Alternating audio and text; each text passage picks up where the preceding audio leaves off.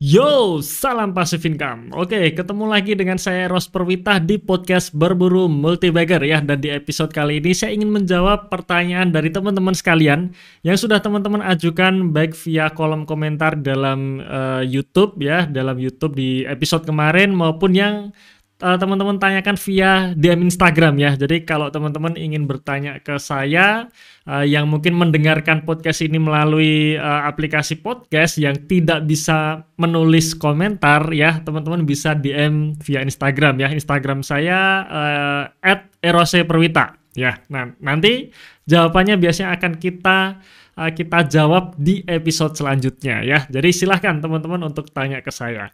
Dan juga uh, teman-teman juga kunjungi uh, wajib kunjungi website saya perwita.com ya karena di situ saya nulis blog ya. Jadi saya punya blog, punya artikel yang di mana uh, di situ saya menulis artikel mengenai saham ya. Uh, siapa tahu ini juga bisa memberikan manfaat buat teman-teman sekalian ya. Oke, jadi pertanyaannya saat ini adalah seputar saham ya. Uh, jadi kalau saya kumpulkan, saya catat, teman-teman tanya saham-saham seperti ini. Uh, ada empat ya, empat saham BRMS, saham ASII, saham LSIP, dan saham PRDA. Nah intinya adalah apakah saham-saham tersebut masih prospek untuk dibeli sekarang ya. Oke. Cuman sebelum saya membahas ya atau saya bercerita mengenai empat saham ini, saya ingin uh, sharing dulu ya. Saya ingin sharing dulu mengenai potensi ISG di tahun 2021 ini khususnya di semester 2 ya. Jadi saya adalah salah satu investor yang optimis bahwa di penghujung tahun 2021 ini IHSG akan naik ya akan naik akan rally. Kenapa seperti itu? Karena kalau saya lihat data uh, eh, ISG pergerakan ISG selama 13 tahun terakhir atau sejak tahun 2007 biasanya setelah terjadi crash besar di tahun setelahnya atau tahun berikutnya itu terjadi bullish IHSG ya. Jadi saya bacakan sekilas ya. Misalkan kita anggap uh, kita mulai dari tahun 2008 Tahun 2008 saat itu terjadi krisis subprime mortgage ya yang membuat bursa di seluruh dunia juga berantakan, anjlok ya. Bahkan saat itu IHSG turun 60% dari level tertinggi ke level terendahnya. Turun 60% dan uh, ya pasti banyak yang nyangkut lah ya tahun 2008 kemarin. Kemudian di tahun 2009-nya IHSG naik dan naiknya nggak tanggung-tanggung 86%. Jadi kenaikan yang sangat signifikan setelah terjadi koreksi yang sangat signifikan juga. Itu tahun 2008. Kemudian masuk nih tahun 2011 ada fenomena krisis Eropa ya krisis Eropa krisis yang diakibatkan oleh utang Yunani Yunani nggak bisa bayar obligasinya sehingga membuat obligasi Yunani disebut sebagai junk bond alias obligasi sampah ya dan waktu itu juga berdampak ke Indonesia sehingga terjadi crash di mana uh, IHSG turun level uh, dari level tertinggi sampai ke bawahnya itu mencapai 22%. Ya, tahu apa yang terjadi di tahun 2012-nya IHSG naik 12%. Ya. Itu tahun 2011. Kemudian masuk tahun 2013 ketika waktu itu Amerika mengurangi stimulusnya ya, mengurangi kuantitatif easingnya yang membuat juga terjadi gejolak pasar termasuk di Indonesia di mana ISG koreksi sampai 23%. Dan apa yang terjadi di tahun 2014-nya IHSG naik 22%. Ya, itu tahun 2013 dan tahun 2015 saat mulainya tapering dari Amerika di mana suku bunga Amerika mulai dinaikkan sejak krisis subprime mortgage ya. Akhirnya membuat dolar-dolar balik ke Amerika ya. Dan ya uh, waktu itu saya juga masih sangat ingat ya. Sangat ingat tahun 2015 kemarin rupiah itu melemah hampir 10% jadi bayangkan ketika rupiah melemah hampir 10% itu juga membuat krisis ya. Kenapa? Karena uh, transaksi kita dengan luar negeri itu sangat besar ya, baik ekspor maupun impornya. Ya, menyebabkan ya harga-harga juga uh, bergejolak gitu ya. Harga-harga pangan bergejolak menyebabkan krisis ya. Dan IHSG saat itu juga anjlok 25%. Ya. Dari level tertinggi sampai ke rendah 25%. Dan apa yang terjadi di tahun 2016 IHSG naik 16%. Ya, sekitar 15 sekian persen ya, anggap sekitar 16 persen. Jadi ada rally. Nah sekarang masuk nih tahun 2020 ya, krisis mayor ya. Eh, krisis akibat pandemi COVID menghantam sektor real maupun sektor finansial. Dan IHSG turun atau koreksi sampai 37%. Saya masih ingat waktu itu IHSG di level sekitar 6.300 6.400 langsung anjlok ke 3.900 ya. 37% koreksinya. Nah, itu tahun 2020 kemarin dan sekarang tahun 2021, tahun satu tahun setelah terjadi krisis. Sampai saat ini kalau kita hitung secara year to date ya, year to date sampai tanggal 15 Juli 2021, ISG baru naik satu persen. Ya, baru naik satu persen, cuman untuk koreksinya sudah sekitar 10 persen ya. Dari level tertingginya, saya ingat tuh, di bulan Januari, ISG sempat nyentuh di 6.500, kemudian di bulan Mei menjadi 5.700, ya itu sekitar 10 persen. Nah, tinggal nih sisa uh, di semester 2 ini. Dan saya sih optimis gitu ya bahwa di penghujung tahun ini akan terjadi rally. Karena uh, ya salah satunya ya historis ya historis dari IISG ini selalu menunjukkan seperti itu gitu. Jadi saya salah satu opti, uh, investor yang optimis bahwa di penghujung tahun 2021 ini IISG akan rally. Paling tidak sampai awal tahun 2022 ya awal tahun depan Ya, nah itu dulu. Jadi kalau misalkan kita uh, kita ancang-ancang bahwa IHSG naik, maka harga-harga saham ini kemungkinan besar banyak yang akan naik. Nah sekarang kita mau pilih saham apa ini? Nah saya sangat menyarankan teman-teman sekalian ya, kalau teman-teman masuk di channel berburu multibagger ini berarti kita ceritanya mengenai uh, analisa fundamental uh, investasi jangka panjang ya, paling tidak jangka menengah. Artinya kita mainnya bulanan ya tiga enam bulan sampai satu tahun. Jadi kita tidak main mingguan, kita tidak main harian apalagi. Ini cocok sebenarnya, cocok buat teman-teman yang memang tidak punya waktu untuk memantau market setiap hari termasuk saya. Saya tidak ada waktu nih kalau siang-siang harus melihat chart eh, apakah harga saham yang saya pegang naik atau turun, nggak ada waktu saya. Makanya saya pilih jangka panjang ya, paling tidak jangka menengah, paling tidak sampai akhir tahun ini. Nah, dari dulu teman-teman sekalian ya, dari dari dulu entah teman-teman mau pakai analisa apa, badarmologi, bandar-bandaran, foreign flow, technical, value investing, analisa fundamental. Dari dulu sama. Saham itu akan rally ketika ada katalis positif atau sentimen dan didukung dengan lompatan kinerja. Nah, bedanya di sini. Kalau misalkan saham itu rally didukung dengan fundamental artinya ada lompatan kinerja, maka di sini uh, rally-nya adalah rally sehat. Artinya setelah naik tinggi ya turunnya nggak akan kenceng gitu. Maksudnya koreksinya kecil gitu ya. Berbeda kalau saham yang rally tanpa adanya dukungan fundamental itu biasanya rally-nya cepat, naiknya tinggi, turunnya pun juga tinggi. Ya, jadi buat kita yang memang nggak ada waktu buat memantau market setiap hari, alias kita pengennya beli saham habis itu meninggalkan market, ya pilih yang punya fundamental bagus ya. Kecuali kalau kita memang full time trader. Full time trader, saya sangat menyarankan Anda pelajari pola saham-saham gorengan karena saham-saham gorengan memberikan return tinggi di waktu yang singkat. Ya, itu kalau Anda bisa full time trader ya. Tapi kalau Anda nggak ada waktu, ya seperti saya nih, siang hari saya sibuk gitu. Ya sudah, nggak perlu, uh, jangan pilih saham gorengan ya. Pilih saham-saham yang berfundamental bagus. Ya, berfundamental bagus. Nah, kita cari saham-saham yang punya lompatan kinerja. Habis itu ya sudah, kita tinggal tunggu saja ini. Sentimen masuk atau katalis positif, harga saham kita pun akan rally. Ya, dan itu dari dulu seperti itu mainnya ya.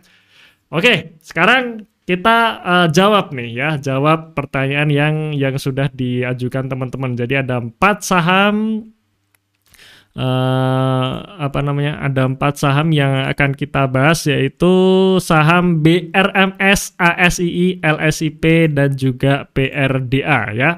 Jadi ini adalah saham-saham yang yang teman-teman tanyakan dan akan kita bahas sekilas ya, sekilas ya. Jadi di podcast kali ini bagi teman-teman yang nonton di YouTube ini ada nih layarnya ya, layar uh, untuk untuk uh, apa memper uh, saya perlihatkan laporan keuangannya ya. Jadi kalau kalau teman-teman yang nonton di YouTube bisa lihat laporan keuangannya, tapi kalau teman-teman yang dengerin podcast di aplikasi podcast nggak apa-apa, cukup dengarkan saja ya.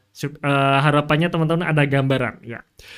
Oke, kita mulai dulu dengan BRMS ya. BRMS ini uh, saya sa sangat ingat gitu ya. Pertama kali saya masuk BRMS ini adalah salah satu saham yang hype saat itu ya. The Seven Brothers ya. Mungkin teman-teman kalau pemain lama pasti tahu nih The Seven Brothers. Itu siapa saja ya salah satunya BRMS ini ya. Bumi, BRMS dan sebagainya itu ya. Nah, sekarang kita lihat nih dari sisi fundamentalnya dulu, dari sisi kinerjanya ya. BRMS per kuartal 1 2021 ini memang mencatat kenaikan pendapatan yang menurut saya cukup bagus ya dari 900 miliar uh, sorry sorry 900 juta dolar menjadi 1 1,3 miliar US dollar. Saya lupa nih, BRMS ini laporan keuangannya dalam bentuk mata uang rupiah atau dolar ya, sorry sorry. Uh, saya saya buka sebentar ya, BRMS, BRMS, BRMS, BRMS, BRMS. Ya dan ternyata dolar ya.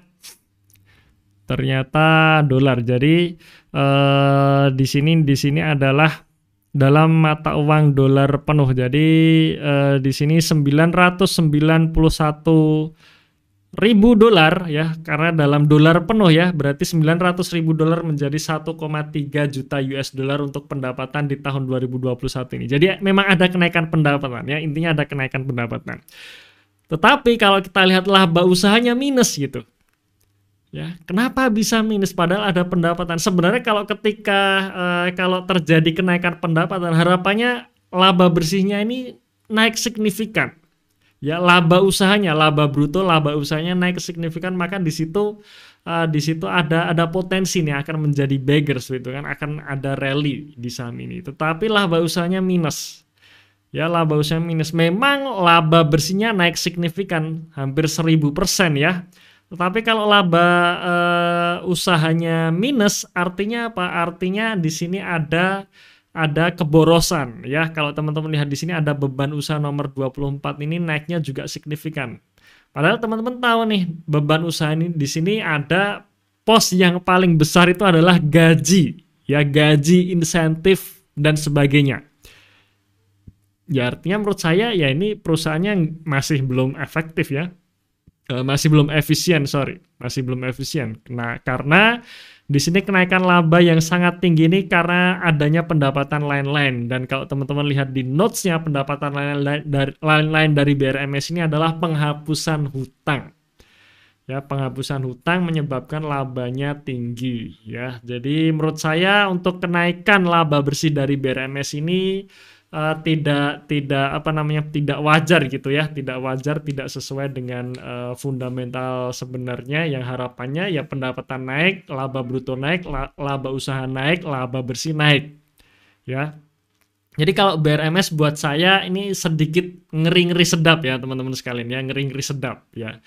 Uh, saya pun kalau misalkan saya beli BRMS kemudian saya tinggal kan market ya deg-degan kalau saya ya kalau saya deg-degan ini Ya cuman nggak tahu nih kalau teman-teman yang memang full time trader ya bisa dimanfaatkan juga nggak masalah. Tapi kalau buat kita yang investing kita beli habis itu kita tinggal ngantor atau berbisnis atau menjalankan rutinitas yang lain, ya buat saya untuk BRMS ini uh, ngeri-ngeri sedap ya. Jadi kalau saya sendiri untuk BRMS ya skip gitu. Oke, kemudian selanjutnya adalah saham ASII ya atau Astra Internasional. Kalau kita lihat laporan laba rugi per kuartal 1 ini adalah laporan kuartal 1 ya uh, yang saya, saya tampilkan di YouTube ini. Uh, kinerjanya masih menurun ya, pendapatan menurun, laba bruto menurun, laba bersihnya pun menurun. Tetapi saya memproyeksi di kuartal 2 ya laporan keuangan kuartal 2 seharusnya bisa naik. Kenapa? Karena di kuartal 1 uh, itu belum terjadi krisis ya. Masih di bulan Maret itu awal-awal COVID ada baru muncul ya. Nah kemudian mulai drop sekitar mulai di kuartal kedua. Nah maka bayangan saya ketika kuartal 2 nanti keluar akan ada lompatan kinerja untuk ASI ya. Jadi eh, di kuartal 1 memang belum naik tapi saya optimis di kuartal 2 naik Lalu bagaimana dengan harga sahamnya? Sekarang harga saham Astra di bawah 5000 dan menurut saya ini murah gitu. Harga saham Astra di bawah 5.000 sekitar 4.700 4.800 ini seperti harga Astra sekitar tahun 2010 teman-teman ya. Ya buat saya ini murah banget itu. Apakah akan naik lagi? Saya sih optimis naik nanti di penghujung tahun. Karena Astra ini salah satu yang uh, punya bobot besar terhadap ISG ya. Jadi ketika ISG naik, biasanya saham-saham big caps salah satunya adalah ASI ini ini juga akan naik. Jadi di bawah 5000 menurut saya murah. Targetnya berapa? Saya sih optimis sampai 7500 itu bisa gitu ya buat ASI ini. Ya, cuman kapan ya nanti nunggu ya nunggu ketika katalis positif masuk Uh, pertama kita nunggu dulu LK kuartal 2 apakah kita confirm ya apakah sudah terkonfirmasi kalau kuartal 2 ini kinerjanya lebih bagus dibandingkan uh, tahun uh, kuartal 2 tahun 2020 ya. Kalau sudah positif ya berarti harapan naik ada. Cuman seharusnya sih naik ya, seharusnya naik karena uh, ya seperti yang saya ceritakan tadi tahun kemarin di kuartal 2 ini terjadi krisis. Oke, dan harga di bawah 5000 menurut saya murah. Jadi kalau saya misalkan saya beli ASII kemudian di harga sekarang ya, bukan di harga tinggi tapi di harga sekarang. Kemudian saya tinggal ngantor, saya tinggal menjalankan rutinitas yang lain, ya saya lebih tenang gitu. Plus ya dividennya kan juga lumayan bagus gitu. Ya. Oke, itu mengenai ASII. Kemudian selanjutnya kita bahas mengenai uh, eh, LSIP. Nah, buat saya LICP ini juga menarik. Kenapa? Karena pendapatannya naik signifikan. Ya, sekitar 50%. Laba brutonya naik signifikan, sekitar 150% dan laba bersihnya juga naik signifikan dari 80 uh, 80 miliar menjadi 297 miliar. Berarti naik kurang lebih sekitar berapa itu ya? 100 200 uh, 200 hampir 300 persen Ya artinya apa? Ya artinya LSIP bagus dan saya optimis LSIP salah satu saham yang nanti akan rally. Mungkin sampai eh, 50 sampai 100% kenaikan dari harga sekarang saya optimis gitu. Ya, saya optimis ya. Jadi tinggal nunggu waktu. Jadi kalau saya sendiri nih misalkan beli LSIP di harga sekarang ya, catatannya di harga sekarang gitu. Ya saya tenang gitu. Saya beli LSP saya tinggalkan sampai uh, sampai akhir tahun saya hold ya hold sampai akhir tahun saya tenang gitu. Tetapi ya tidak serta merta langsung ditinggal begitu saja ya tapi tetap dicek. Dicek ini adalah cek kinerjanya laporan keuangannya. Kuartal 2 naik uh, keluar kita cek lagi. Oh masih sesuai nih masih masih naik kinerjanya masih naik. Ya sudah kita tinggalkan market lagi gitu ya Kemudian kuartal 3 keluar cek lagi nih, oh kinerjanya masih bagus. Ya sudah, kita tetap hold saja gitu ya. Sesimpel itu ya. Jadi tidak kita cek tiap hari pergerakan harganya, tapi kita cek kinerjanya.